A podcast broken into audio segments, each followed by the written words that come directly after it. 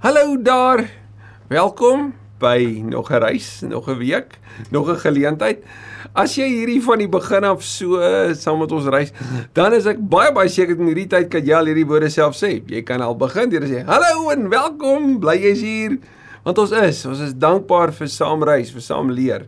Ons het by 'n besonder mooi plek uitgekom, hoofstuk 15 van hierdie bittermooi boek wat so baie vir ons beteken en ek weet nie van jou nie, maar soveel vir my al geleer het van die die groter stories, die storie agter die stories. Van van wat wat hierdie evangelie juis so beteken vir die gemeenskap van wet van van Rome. En hoe Paulus die die lyne trek van die Ou Testament en Nuwe Testament, hoe hy dit vorentoe wys na na Christus se se wederkoms. Hy hy kom vanuit die lyding van Christus en hy sê maar moenie dat jy moedeloos word nie, kyk vorentoe. Jy's vrygespreek om vry te kan spreek. Hoe lyk hierdie vryheid? Dit lyk besonders in die verhoudings hoe ons leef. Ons neem ander in ag. Ons ons probeer nie ons eie wil voor voordruk nie. Ons kan gehoorsaam wees aan die owerhede. Ons kan lief wees vir mekaar. Verlede week het ons sien in hoofstuk 14 hoe Paulus gesê het, maar wie nie, jy moet met wysheid leef. As jy sterker in die geloof is, dan moet jy nie in twispraatjies betrokke wees nie. Jy moet mense se opinies net net aanhoor. Jy moet nie die hele tyd met stryery jou tyd mors nie. Inteendeel, jy moet so fokus op ander dat dit wat jy doen moenie verander tot 'n struikeling, weet 'n struikelblok word of wat hulle daaroor struikel nie, maar inteendeel wat jy moet doen moet hulle opbou, jy moet hulle versterk. Dis die punt van die lewe. Ons moet so omgee vir mense. Hulle so in ag neem dat ons hulle na die reis met die Here vorentoe neem en nie terugdruk nie.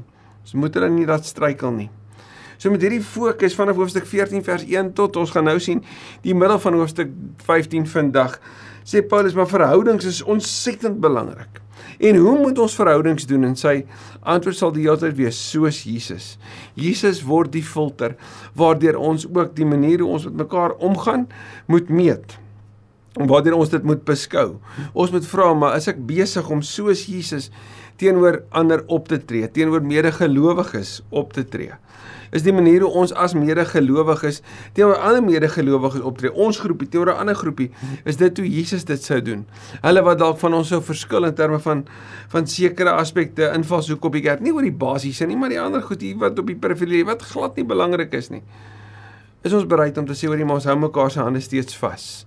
Want dis die uiteindelike essensie van die van die boodskap van liefde nê nee, is dat ons kan van mekaar verskil oor die die goed wat nie belangrik is nie maar oor die essensie is ons een rotsvas een. En die essensie van Romeine 5 wanneer ons sê ag Romeine 10 Jesus het uit die dood uit opgestaan hy's die Here hy't fisies opgestaan hy's die Here en hy leef. Wanneer ons dit kan bely en kan glo dan is ons gered. As ons dit nie doen nie wel dis die essensie dan deel ons nie daai belydenis saam met mekaar nie dan is ons nie een nie want gelowiges wat een is, deel daarin. Vandag vra ons mekaar, maar hoe leef ons hierdie vryheid verder uit? Paulus is op pad na die einde toe van sy brief. Hy's besig hy's op pad na die slot toe, die langste slot van al sy briewe. En en dit is 'n slot wat insluit wat sy reisplanne is. Dit sluit in wat sy toekomsverwagting is, maar ons sien al klaar weer Paulus se hart vir sy vir die gemeente en vir gelowiges, maar meer nog die dringendheid om die evangelie te verkondig. Want hierdie liefde wat Paulus sê ons moet leef, is so gekoppel aan ons getuienis teenoor die wêreld en dit is ontsettend belangrik dat ons die liefde sal leef wanneer ons dit juis vir ander gaan gaan wys. Kom ons bid saam. Ag Here, soms borrel dit net uit ons lewens uit hierdie hierdie wonderlike boodskap van die evangelie en die implikasies daarvan. Ons het so baie wat ons met mekaar kan deel. Dankie vir elkeen wat tyd maak vandag om in te skakel, vir elkeen wat deel is van ons reis. Vir die wat onlangs nie deel geword het. Ek sê maar dit beteken vir my op my reis met die Here soveel dat ek dit ook wil aangee of dat ek net wil wil vasbyt en elke week wil wil inneem. Dankie dat ons notas het dat ons mekaar kan deel. Dat ons regtig tyd kan deel. Dat ons die voorreg mag hê om om te mag stil word in ons lewe en net in 'n taal wat ons regtig verstaan, 'n taal waarin ons bid, 'n taal waarin ons droom, 'n taal waarin ons nadink. Ook kan sê Here, maar ook in hierdie taal is U besig om U woord vir ons al hoe dieper oop te breek en ontmoet U ons ook in dit wat vir ons bekend is. Kom doen dit asseblief ook vandag. Bid dit in Jesus se naam. Amen. Romeine 15 vers 1 die opskrif is die voorbeeld van Christus. Op ons wat sterk is in die geloof en nou sou jy kon onthou uit hoofstuk 14 uit die die die die sterk en die swak in die geloof is die die wat sterker is beleef regtig vryheid. Maar hulle is so vry dat hulle selfs hulle eie vryheid kan inperk ter wille van ander, nê? Nee? Ons wat sterk is in die geloof, rus die verpligting om die swakhede te verdra van die wat nie sterk is nie. Letterlik in die Griek staan daar om die ander te dra, om hulle letterlik te dra. Sien maar gerus 1 Korintiërs 4 wat Paulus sê hoe hy vanuit die swakheid van sy eie lewe swak word sodat ander kan sterk word. Paulus sê ons het die verpligting om dit te verdra. Ons moenie aan onsself dink nie. Sjoe, hierdie is sommer net 'n goeie opsomming vir die evangelie, nê? Gaan nie oor jou nie. Ons moenie aan onsself dink nie. Elkeen van ons moet aan ons naaste dink en aan wat vir hom goed is en wat vir hom in die geloof kan opbou. Ons sien in Paulus wanneer in 1 Korintiërs 8 hierdie beginsel leef, dan sê hy, weet jy as ek deur my mond aan vleis te sit iemand anders tot 'n val bring, sal ek liewer nooit weer vleis eet nie en dit het natuurlik gegaan daaroor afgodsoffers en Paulus sê ek sal dit net nooit doen nie want ek wil niemand anders te nakom nie. Want Matteus 22 Jesus se se opsomming van die wet dat jy jou naaste moet lief hê asof hulle jy is, nê? Soos jouself. Dis hierdie wat Paulus sê, moenie aan jouself dink nie, dink aan die ander en moet niks doen wat vir hulle tot 'n val bring nie. Nee, dink aan dit wat hulle kan opbou. Wat kan ek doen wat mense opbou? En nou, hier's die belangrike, ons het Vroeger in die jaar het ons by Kerk van Amira die gesprek gehad oor wat is die verskil tussen om kind te wees en om nice te wees. Nice is ons almal hou daarvan. Ons wil graag met almal nice wees, nê? Nee. Want dan dink hulle ons is okay. Dan dink hulle ons is ons is weet ons is mense wat wat lekker is om by te wees. Nice is om alles goed te keer wat mense doen en om net hulle mooi aan te praat en en op te bou en goeie woorde te sê. Kind is om regtig om te gee vir hulle. Kindness kan soms beteken om vir iemand te sê maar en dit is die vriendelikheid en goedhartigheid waarvan Galasiërs praat nê. Nee. Wat is hierdie goedhartigheid? Kindness beteken om soms vir iemand nee te sê terwyl hulle van hulle opbou, terwyl hulle van hulle groei. Om te sê nee, jy kan nie nog eene eet nie. Jy kan nie nog 'n ding drink nie. Jy kan nie daai woorde sê of daarna gaan kyk nie, want dit is nie goed vir jou nie. Dan is ons regtig kind. So kind gaan nie oor gewildheid nie. Dit gaan oor regte liefde. En om mense op te bou om om ons gelowiges om mekaar op te bou beteken ook om soms mekaar te sê maar dit pas nie by jou nie. Jy kan beter of jy moet beter of daai was regtig goed geweest en doen meer daarvan. Of dankie hiervoor. Dan is ons besig om mekaar op te bou. Die belangrike is nie om mekaar af te breek nie. Filippe ag Hebreërs 12 sal sal skryf oor oor tug en dan gaan dit oor aansporing en vasbyt. En die uiteinde van Hebreërs 12 is versterk die slap hande en die lam knie en loop die reguit pad So bou mekaar op, word sterk en die aanmoediging is 'n is 'n is 'n term uit die atletiek uit en enige baie goeie afrigter sal kan sê daar's tye wanneer die atlete sê ek's nie lus nie dat die afrigter moet sê staan op en hardloop. Staan op en gaan weer. Moenie ophou nie, moenie stop nie. Jy's naar wel dis goed. Byt vas. Dis opbou. Dis aanmoedig. Dis om daar te wees vir mekaar. Ons moet mekaar opbou. Ons moet doen wat goed is. Christus het immers ook nie aan homself gedink nie. Jesus ons voorbeeld, nê? Inteendeel. En dit was met hom soos daar geskrywe staan, die beledigings waarmee mense u beledig het op my neergekom. Ons sien dat Jesus of dat hierdie aanhaling van Psalm 15 vers 3 word direk na Christus toe verwys. Dis hoekom dit goed is dat ons die Ou Testament moet ken en moet lees en die lyne moet sien van hoe dit waar word in Jesus se lewe maar die beledigings op my neergekom en nou is Paulus is 'n die interpretasie hiervan is ons nou duidelik of die gegee of die betekenis hiervan. Dit wat nie direk hier staan nie. As dit met Jesus gebeur het, dan gaan dit met jou ook gebeur. So die voorbeeld wat ons moet volg is die van Christus wat nie aan homself gedink het nie, wat selfs beledigings op homself geneem het. In 1 Korintiërs 4 vers 13, wanneer Paulus oor die apostels praat, dan sê hy ons het die uitvaagsels van hierdie aarde geword, die skuim van ons wêreld. En die woord uitvaagsels daar is om om te sê ons het wanneer jy huis skoon maak dan is daar 'n klomp stof wat bymekaar kom, daai stof en sand as jy honde het soos ons by die huis, nê? As dit bymekaar kom, dit noem mens uitvaagsels en as jy dit dan nou op 'n skoppie sou opvee en dit dan weggooi, dan is jy mos nou eintlik besig om die huis skoon te maak. Nou om dit te word is om te sê ons neem hierdie gemors van die gemeenskap en van die wêreld. Ons neem dit op ons. Ons voel die pyn en die seer en die vuil van hierdie wêreld op ons lywe. En ons gaan nie terugreageer nie, ons gaan dit neem. Want op hierdie manier neem ons deel aan God se heelmaak van sy wêreld. Ons het die uitvaagsels geword net soos Christus dit op hom neergekom het. So volg ons hom. Vers 4 Alles wat vooraf in die skrif opgeteken is, is tog opgeteken om ons te leer. Daarom moet ons die skrif ken. En wat is die doel van die skrif? Wanneer ons deel met die stories en onthou net mooi, hierdie skryf Paulus vir die Jode wat sou sê, "Ja, ons ken dit," maar ook vir die heidene wat nou ingeplant is. Onthou jy die hele inenting daarin in Romeine 9 tot 11 wanneer hy dit baie mooi uit beskryf veral in hoofstuk 11 van Romeine? Om te sê maar dis wat God kom doen het. Jy's ingeënt. Jy deel in hierdie nuwe storie van God. Jy deel in sy groot storie wat van Abraham af regdeur loop dis alles vertel sodat ons deur die standvastigheid en bemoediging wat die skrif ons gee vol hoop kan wees wanneer Paulus in 2 Korintiërs 1 skryf dan sê hy ons het deur 'n klomp moeilikheid gegaan en ons is deur die Here bemoedig sodat ons kan bemoedig. Nou lees ons dat wat doen die skrif? Wat doen die kennis van die skrif? Dit lei tot standvastigheid en bemoediging. En wat bring dit uiteindelik? Hoop. Hoop wat Hebreërs 6 sê, ons vas het aan die kant die voorhang sal heen. Hierdie hoop wat nie beskaam nie wat Paulus in Romeine 5 beskryf het. 'n Lewende hoop, nê. Nee.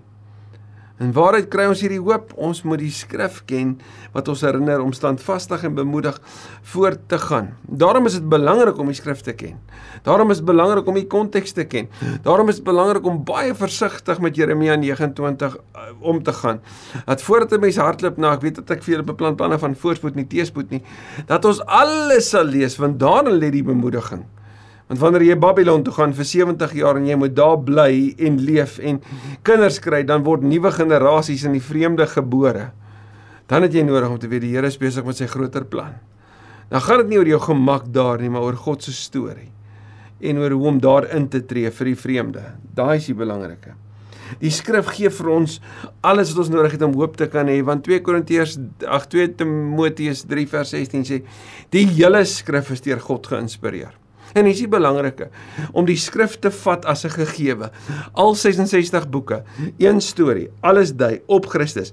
Alles daarvan is geïnspireer. Elke bladsy daarvan is geïnspireer om ons toe te rus vir die werk wat ons nodig het om te doen. En mag God gaan kyk gerus wanneer Paulus skryf vir 1 Tessalonisense 5 vers 23 oor wat die Here kan doen. Mag die Here dit doen en hier's 'n so mooi seënwens. Mag God die bron, dis waaruit hoop natuurlik kom, die bron van alle standvastigheid en bemoediging gee dat julle eensgesind onder mekaar sal wees soos Christus Jesus dit wil hê. Nou, nou as ons 'n 'n bord kon hê waarop ek sou skryf, sou jy kon sien dat daar's standvastigheid en bemoediging, hoop, God, standvastigheid en bemoediging sien God is die bron van hoop en daaruit kom die standvastigheid en bemoediging. So alles kom terug na God toe. En waar leer ons God ken vanuit die skrif? Daarom moet ons die skrif ken. Daarom sal Jesus sê in Johannes 16 die die Gees gaan ons teruglei na die na die weet na na na na Jesus se woorde toe. Waar leer ons Jesus se woorde ken in die skrif? Daarom moet ons dit altyd bestudeer en ken. Jy kan nie sê jy kan eh, die Here volg sonder sy woord nie. Jy kan ook nie sê die Here is stil in my lewe as jou Bybel toe is nie. Ons leer hom ken daarin. So mag God die bron van standvastigheid en bemoediging gee dat julle eensgesind onder mekaar sal wees soos Christus Jesus dit wil hê. Daai is die standaard. So Paulus se begeerte vir hierdie eensgesindheid, vir hierdie liefde wat die gelowiges met mekaar moet hê, is Jesus. Wat het Jesus in Johannes 17 gesê? Ek bid Vader dat hulle een sal wees, net soos wat ons een is. En jy ken die eenheid van Efesiërs 4, gaan lees dit gerus. Dan kan julle almal eensgesind uit een mond lof toebring aan God, die Vader van ons Here Jesus Christus.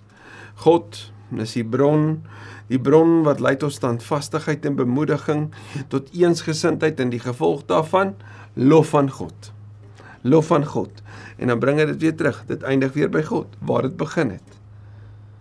En dan kom Paulus by sy hart uit vir sy sendingplanne, vir sy pad vorentoe, naamlik kom ons bereik die nasies. Aanvaar mekaar dan soos Christus julle ook aanvaar het tot eer van God. Aanvaar mekaar. Die die die die Griekse woord is proslambano. Nou prolambano sê die voorontvangs. Lambano is om te kry of om te ontvang.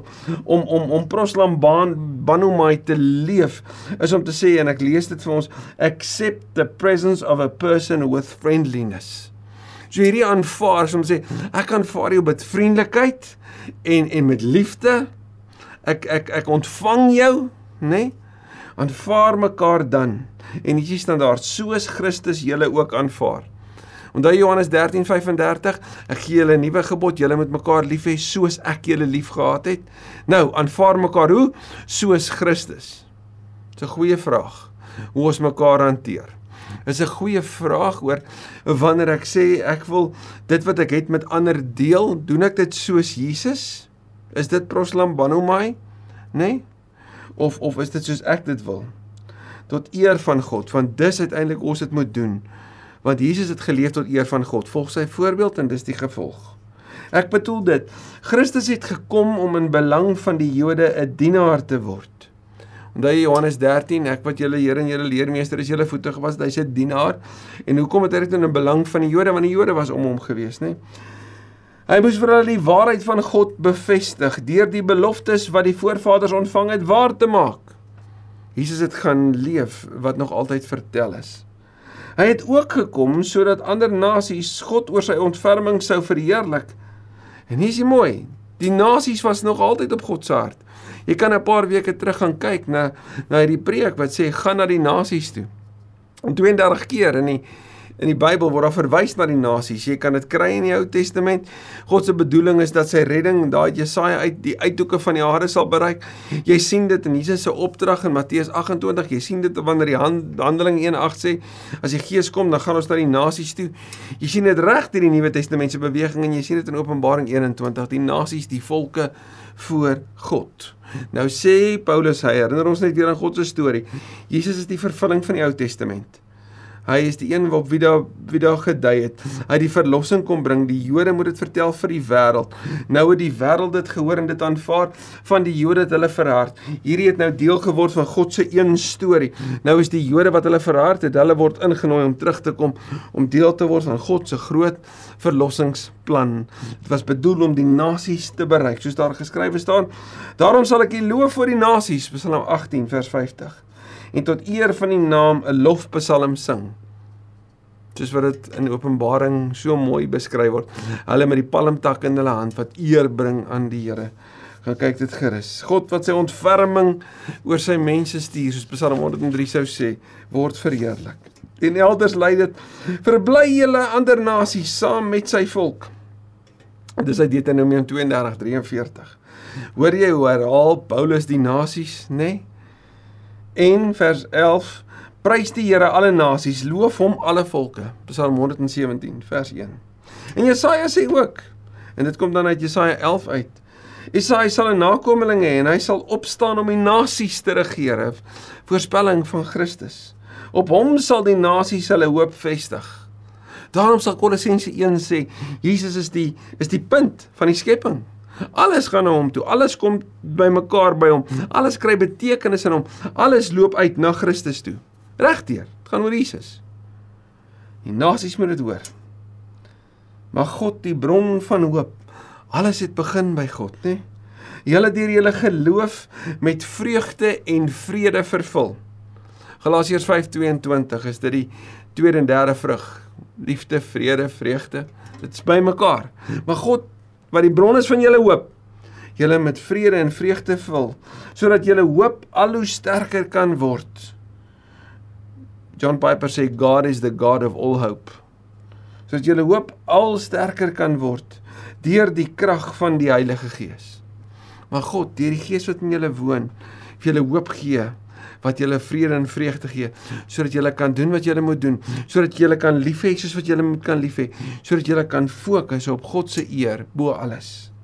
My broers ek is self maar al te bewus dat julle vol goeie hoedanighede is. Vol goeie goedheid sal die Griek sê en omvattende kennis besit en dat julle mekaar self op die regte weg kan help en om op die regte weg te help in die Grieks sou sê dat julle mekaar op die regte manier kan beraad, kan leer, kan ondersteun, kan vorm. sien Paulus sluit hierdie hierdie slot af met hierdie eerlike erkenning van ek weet julle kan. Inteendeel, julle is besig daarmee. Ek wil na julle toe kom, maar ek wil net kom erken dat ek het julle klomp goed geskryf, maar ek weet julle doen dit goed.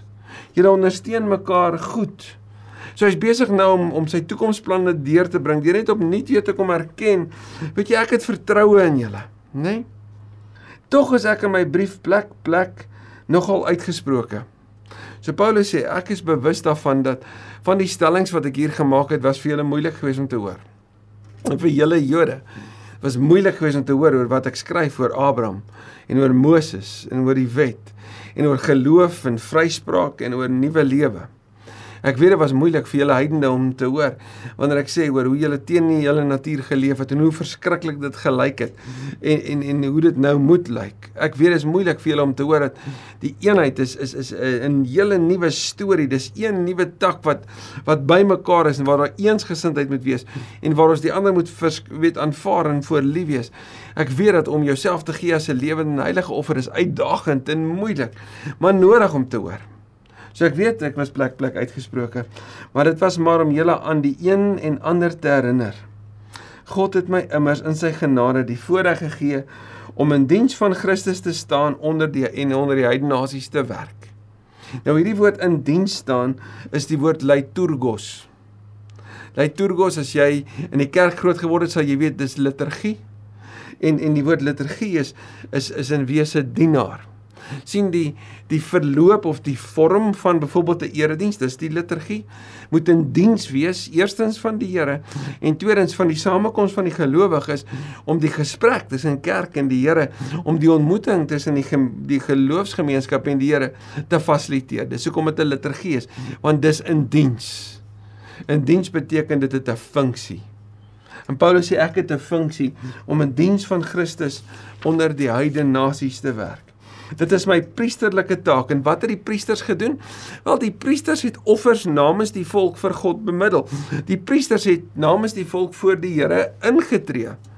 En die priesters sou ook die wil van die Here, die die woord van die Here aan die volk bekend maak. Dit vir hulle vertel, dit vir hulle leer. Paul en en ek wil die priesterlike taak is 'n gewyde taak, nê? Nee? Was so gewees in die Ou Testament. En sien hoe ernstig sien Paulus ook sy taak. Is my priesterlike taak om die evangelie van God aan hulle te bedien. Om die genadehandeling aan God van God aan hulle te bedien. Sodat daar uit die heidene nasies 'n offergawe mag wees wat vir God aanneemlik is en deur die Heilige Gees geheilig word. Nou wat het Paulus gesê, hoe werk hierdie offergawe? Romeine 12 vers 1 en 2. Gee julleself aan God as lewende en heilige offers wat vir hom aanneemlik is. Wanneer dit deur die Heilige Gees geheilig word, beteken die Gees kom woon in julle en hy maak van julle hagioi, mense wat eenkant gesit word. Dit is letterlik wat hagioi beteken. Dis wat gelowiges genoem word, heiliges. Eenkant gesit. So julle konformeer nie tot die samelewing nie. Julle word nie so deel van die wêreld dat die mense nie kan onderskei is jy 'n gelowige of is jy ongelowige. Optrede, woordeskat, alles wat hulle doen, hulle is so dieselfde nie. Nee, nee, nee, nee. Julle is hagioi, onthou? Julle is anders. Jy is nie van hierdie wêreld nie, maar in hierdie wêreld. Daai daai hele konsep.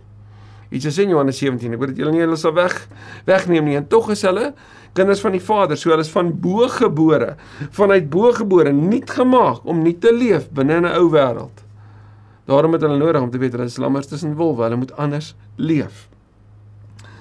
Wat vir God aanneemlik is en deur die Heilige Gees geheilig word, dis net deur die Heilige Gees wat hierdie gebeur. Romeine 8 het dit so mooi beskryf. In Christus Jesus is ek trots op wat ek in diens van God verrig. Waar lê my trots? In Christus. Dis vir my 'n trots, dis vir my 'n voorreg, dis vir my 'n belangrike taak om te doen wat ek moet doen. Daarom is ek verbind daartoe met my hele wese, want dit gaan net daaroor. Ek sal dit nie waag om oor enigiets anders te praat as oor wat Christus deur my tot stand gebring het nie die die Griekse woord vir tot stand gebring is wat Christus deur my vermag het nie. Wat Christus deur my voltooi het nie. As Paulus terugkyk en sê ek wil glad nie eer vir niks hê nie, wel ek kan dit ook nie vat nie. Ek is net so dankbaar en ek wil vir julle vertel. Kyk wat het die Here gedoen in Handelinge 15, daai vergadering wanneer wanneer Petrus praat, onthou jy en Jakobus praat, is dit ook Paulus wat praat en getuig oor kom ek vertel vir julle wat die Here doen en dan word hulle afgesonder natuurlik met 'n brief en 'n fokus om die uitnasies te gaan bereik. Dit het hy deur my gedoen met woord en daad, deur kragtige tekens en wonders in die krag van die Gees van God. Hierdie verkondiging van die evangelie in 'n wêreld wat nie daarvan gehoor het nie, het dit ook gepaard te gaan met die sien van die krag van mense wat tot bekering kom, van siektes wat genees, van die bevestiging van God se woord en die verduideliking daarvan, van mense wat radikaal tot bekering kom omdat hulle so bewus geword het van God se liefde, van verlossing, van vergifnis, van herstel van 'n gemeenskap waarvan ek deel kan hê. En so kon ek van Jerusalem af al verder tot by Illyricum. Nou Illyricum is 'n Romeinse provinsie, dis so noordwes van Macedonië. Dis net so oos van van Italië, dis so aan 'n kant van van Griekeland waar jy kan sien waar jy maar hier lê Italië en hierso is Illyricum en net onder dit is Macedonië, net onder dit is Korinte en dan beweeg jy hier onder toe na waar Jerusalem is. Paulus sê ek het al hierdie paaie geloop. Ek het die voorreg gehad om die evangelie tot daar te bring. Daarom word daar gesê dat Paulus tot 16000 km geloop het om die evangelie te vertel, die evangelie van vrede te verkondig. Dis hoeveel hy gereis het en moes gaan, moes beweeg om dit daar uit te bring. Hy sê ek kon dit tot daar toe bring. Ek kon my taak tot daar, my taak om die evangelie te verkondig ten volle uitvoer. Ek kon dit voltooi.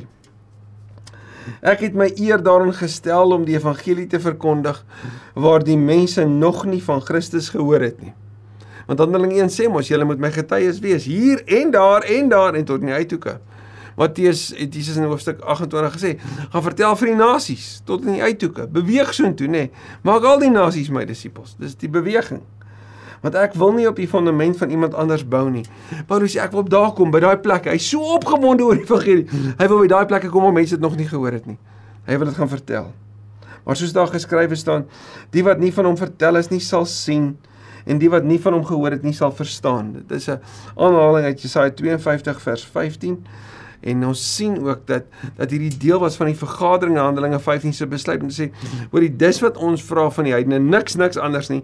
Hierdie mense wat nog nie gehoor het nie gaan vertel vir hulle om toegewyd aan God te leef.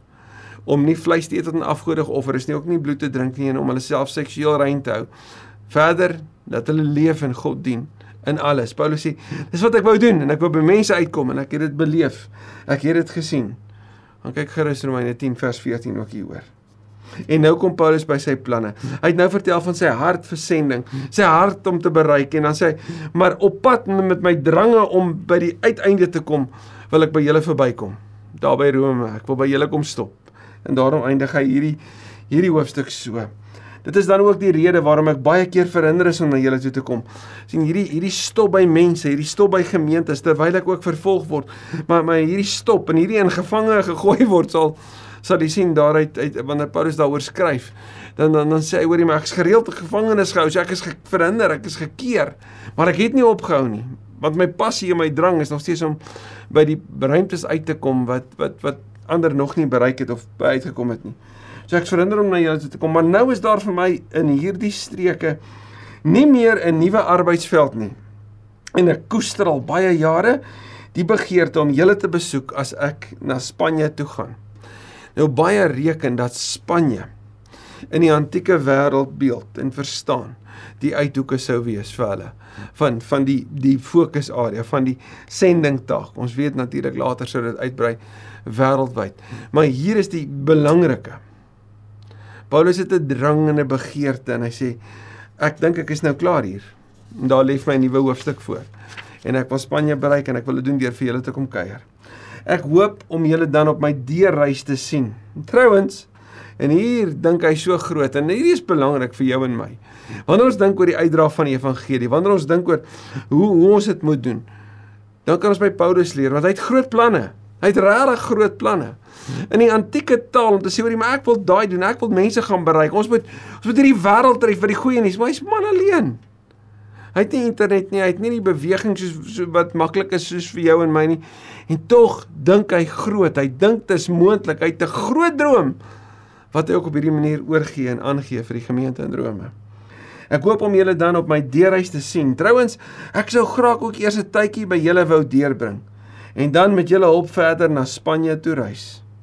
Paulus se droom is om Spanje te bereik, maar hy sê julle neem deel daarin. En ons sien hoe Paulus en Johannes hierdie siening van mense wat jou gasvry ontvang en dan vir jou in staat stel om verder te gaan, hoe hulle dit van gelowiges verwag. Te sê nou ons is medewerkers. So ek wil by julle kom, ek wil by julle aankom, ek wil vir 'n tyd lank by julle wees, ek wil julle leer ken, maar ek wil verder gaan en julle moet dit vir my moontlik maak. Dis heeltemal anders wat ons dit vandag sou sien, nê. Nee. Vandag is ons by jy's op jou eie en ek is op my eie en en ons hoor maar van mekaar, maar maar hierdie diep diep liefde vir mekaar vir die evangelie en vir die uitdra daarvan. Dit het hierdie hierdie vreemdelinge aan mekaar gebind. Dit het van vreemdelinge vriende gemaak, van vriende, familie en van familie, medevegters, medestryders, medewerkers in die koninkryk. Maar nou is ek eers op pad na Jerusalem toe met geldelike hulp vir die gelowiges daar. Jy kan 1 Korinte 8 en 9 meer hieroor lees. Daar was hongersnood in Jerusalem en hier is hoe die kerk dit gesien het. Die gemeente is byvoorbeeld veral in in in in Agaia wat wat Korinte was maar dan ook in Macedonië. Hulle het vir Paulus sê vir al die Macedoniese gemeentes, Tessalonisense en dis met die arm gemeentes. Het vir Paulus sê hoor hier. Ons het die evangelie gehoor omdat vanuit Jerusalem het die kerk gegee sodat dit vertel kon word. So die beste nuus ooit het ons getref en die Engels het 'n woord reciprocity. Omdat dit goed was vir ons, wil ons goed wees vir hulle. Ons hoor hulle kry swaar. Ons dring by jou daarop aan om te, te, te dat ons mag deel 1 Korintiërs 8 in die liefdeswerk van hulpverlening. So ons wil vir jou geld gee sodat jy kan gaan. sien Paulus se liefde vir die vir die gemeenskap van Jerusalem het nooit opgehou nie. Sy dryf na die ander toe, na die heidene nasies toe, na mense wat nog nooit gehoor het nie, het hom natuurlik aan die beweeg gehou maar hy het nooit vergeet nie en hy was altyd besorgd. Daarom het hy hier vertel wat kan ons doen vir hulle terwyl hy hier die goeie nuus bring, wil hy daai die goeie nuus tasbaar maak. Want sien die goeie nuus is beide goed vir jou siel, maar dit moet ook goed wees vir jou lyf. Want die kerk moet ook so vir mekaar omgee en dit is wat hier gebeur. So Paulus sê ek is op pad, ek wil eers na Jerusalem toe gaan met geldelike hulp vir die gelowiges daar. Die gemeentes in Macedonië en, en Agaia, dis nou 1 Korintiërs 8 en 9, het dit naamlik goed gedink om iets by te dra vir die armes onder die gelowiges in Jerusalem. Wat Paulus nie sou weet nie is dat sy gaan na Jerusalem toe sal juist die katalisator wees van hoe hy by Rome sou uitkom. Hy het dit nie op daai stadium geweet toe hy hierdie geskryf het nie. En tog sou dit presies so gebeur. Hulle het self so besluit en hulle is dit buitendien ook verskuldig Want as die gelowiges uit die Jode hulle geestelike rykdom met die heidene nasies gedeel het, is die gelowiges uit die heidene dit aan die gelowiges uit die Jode verskuldig om hulle met stoffelike hulp by te staan. Die liefdeswerk van hulpverlening. En hierdie gebeur tans ook in Afrika. Afrika is gekerstend deur die gelowiges wat gestuur is.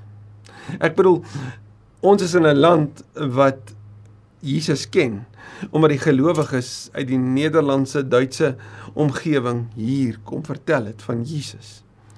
En waarheen stuur ons sendelinge? Deesdae. Waarheen gaan mense? Behalwe vir vir Noord-Afrika en behalwe vir aan die aan die ooste kant van die wêreld, daar in die Midde-Ooste en in die Verre Ooste. Hulle gaan terug. Hulle gaan vertel die evangelie juist daar waar die evangelie gekom het.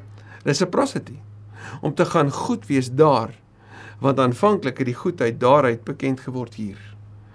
En Paulus sê, die goedheid wat hier gebeur nou om terug te gaan gee, is nie noodwendig een van geestelike oordra van die goeie nuus nie, maar van stoffelike bydra dat dit kan gebeur. Dat dit 'n volle seën kan wees om hulle met stoffelike hulp by te staan. As ek vers 28 daarmee klaar is en die volle bedrag wat ingesamel is veilig aan hulle besorg het, sal ek langs die hele langs na Spanje toe reis Paulus is baie ernstig daarop om deursigtig te wees. Paulus is baie ernstig daarop om deeglik te wees. Hy sê maar maar ek wil terugreis. Ek wil ek wil terugkom en ek wil by julle verbykom Spanje toe. Ek weet dat as ek na julle toe kom dit met die volle seën van Christus sal wees. Wat Paulus hier meer kom sê is dat die Here sal dit seën want dit is binne sy plan. Maar natuurlik bid hy daarmee saam vir die Here se wil. En nou kan jy dink wat se seun het toe by Rome aangekom toe Paulus daar aangekom het geboei. Toe Paulus sê maar ek dien die Here en en en hy's die opgestaane Here, geboei. Die Here wat gevange geneem is, onthou jy? Ek volg hom. En hoe dit getref het en hoe dit die die hele gemeenskap van Rome bereik het op die verskillende hiërargieë. Ek versoek julle dan dringend broers in die naam van ons Here Jesus Christus en op grond van die liefde wat van die Heilige Gees afkom. Hoor dit mooi, die liefde wat van die Gees afkom. Die Gees wat dit binne in julle wakker maak. Stry saam met my deur vir my te bid. Hierdie woord stry is die beeld van 'n atleet wat vorentoe beer. Jy sien meer daaroor in in Kolossense 4 vers 12. Wanneer Paulus sê maar Epafras het het saam met ons gestry vir die evangelie. Gee jou bes, kom stry saam. Hoe? Deur vir ons te bid. Dit is een van die eerste maniere hoe ek en jy kan deelneem in God se se se se reddingsplan na die wêreld toe, na die uithoeke toe is deur betrokke te raak en te bid. Jy kan byvoorbeeld op op 'n webblad soos Joshua Project gaan lees en gaan leer van die nuutste syfers van hulle wat nog nie gered is nie, van lande wat nog onbereik is, van die 4.2 miljard mense wat nog nie die evangelie gehoor het of nie vir Jesus volg nie. En hoe jy daarin kan deel, jy kan bid vir die mense, vir die lande. Stry saam dat God my veilig mag hou tussen al die ongelowiges in Judea. Wat is hierdie veilig hou? Die die Griekse woord is ruomai. En wat beteken ruomai? Dit beteken letterlik om weg te neem of weg te trek om to bring out of harm's way, to draw out of harm's way. Um iemand een van die vertalings sê to be rescued from danger. Wat sê Jesus in Lukas 10? Onthou ek stuur julle soos lammers tussen wolwe in. Hy sê ek wil so graag na julle toe kom bid dat die Here my veilig sal hou maar stry saam met my asseblief daarvoor. En dat my hulp aan Jerusalem aanvaarbaar mag wees. Nou die woord aanvaarbaar beteken dat hulle dit sal ontvang met vreugde. Letterlik vertaal met quiet pleasing. Dit aanvaarbaar sal wees. En, en jy weet in 'n wêreld van trots as jy in 'n in 'n land is van van hongersnood en jy jy jy kry swaar en op julle is die kerk wat alles weggegee het sodat mense kon inkom so julle het nie meer bates nie.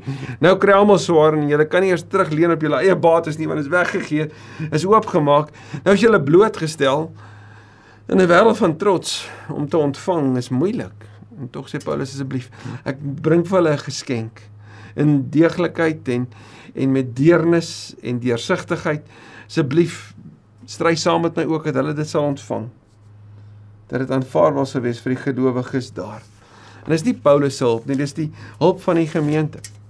Van die gemeentes wat dit wat dit vir hom stuur, nê. En dan eindig hy hierdie hoofstuk af. En as dit die wil van God is. So as ons tot nou toe gedink het Paulus maak 'n klomp plannetjies en hy het nie eers die Here geraadpleeg nie, dit is nie so nie. Hy het van die begin af gesê ek kom met die seën van die Here. Hy het gesê ek was ek was al weerhou geweest, maar is omdat ek die evangelie moet verkondig. Nou sê hy en dit sluit so aan by Jakobus 4. En as dit die wil van God is, sal ek vol blydskap na julle toe kom om 'n tydjie by julle te rus. Om net te kom wees. Om net daar te wees.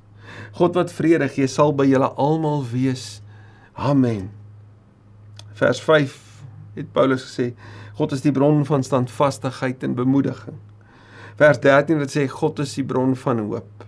En nou God is die bron van vrede.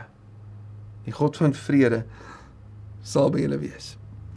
So gemeente in Rome, gelowiges van 2023 of watter jaar dit ook al is wat jy hierna luister of kyk, wees getrou in jou verbintenis met Christus. Wees getrou met jou vervulling van die Gees en sy liefde vir God se wêreld. Wees getrou in jou uitlewing daarvan teenoor jou medegelowiges en die opbou daarvan. Wees getrou in jou uitdra van die evangelie aan ander en stry saam met die reddingsplan van God vir die wêreld met hulle wat gegaan het bid saam tree in en moenie vir jouself leef nie moenie na binne gerig wees nie leef tot die opbou van ander en bid vir die koms van die koning. Dankie Here vir hierdie wonderlike wonderlike hoofstuk. Dankie vir die detail hiervan.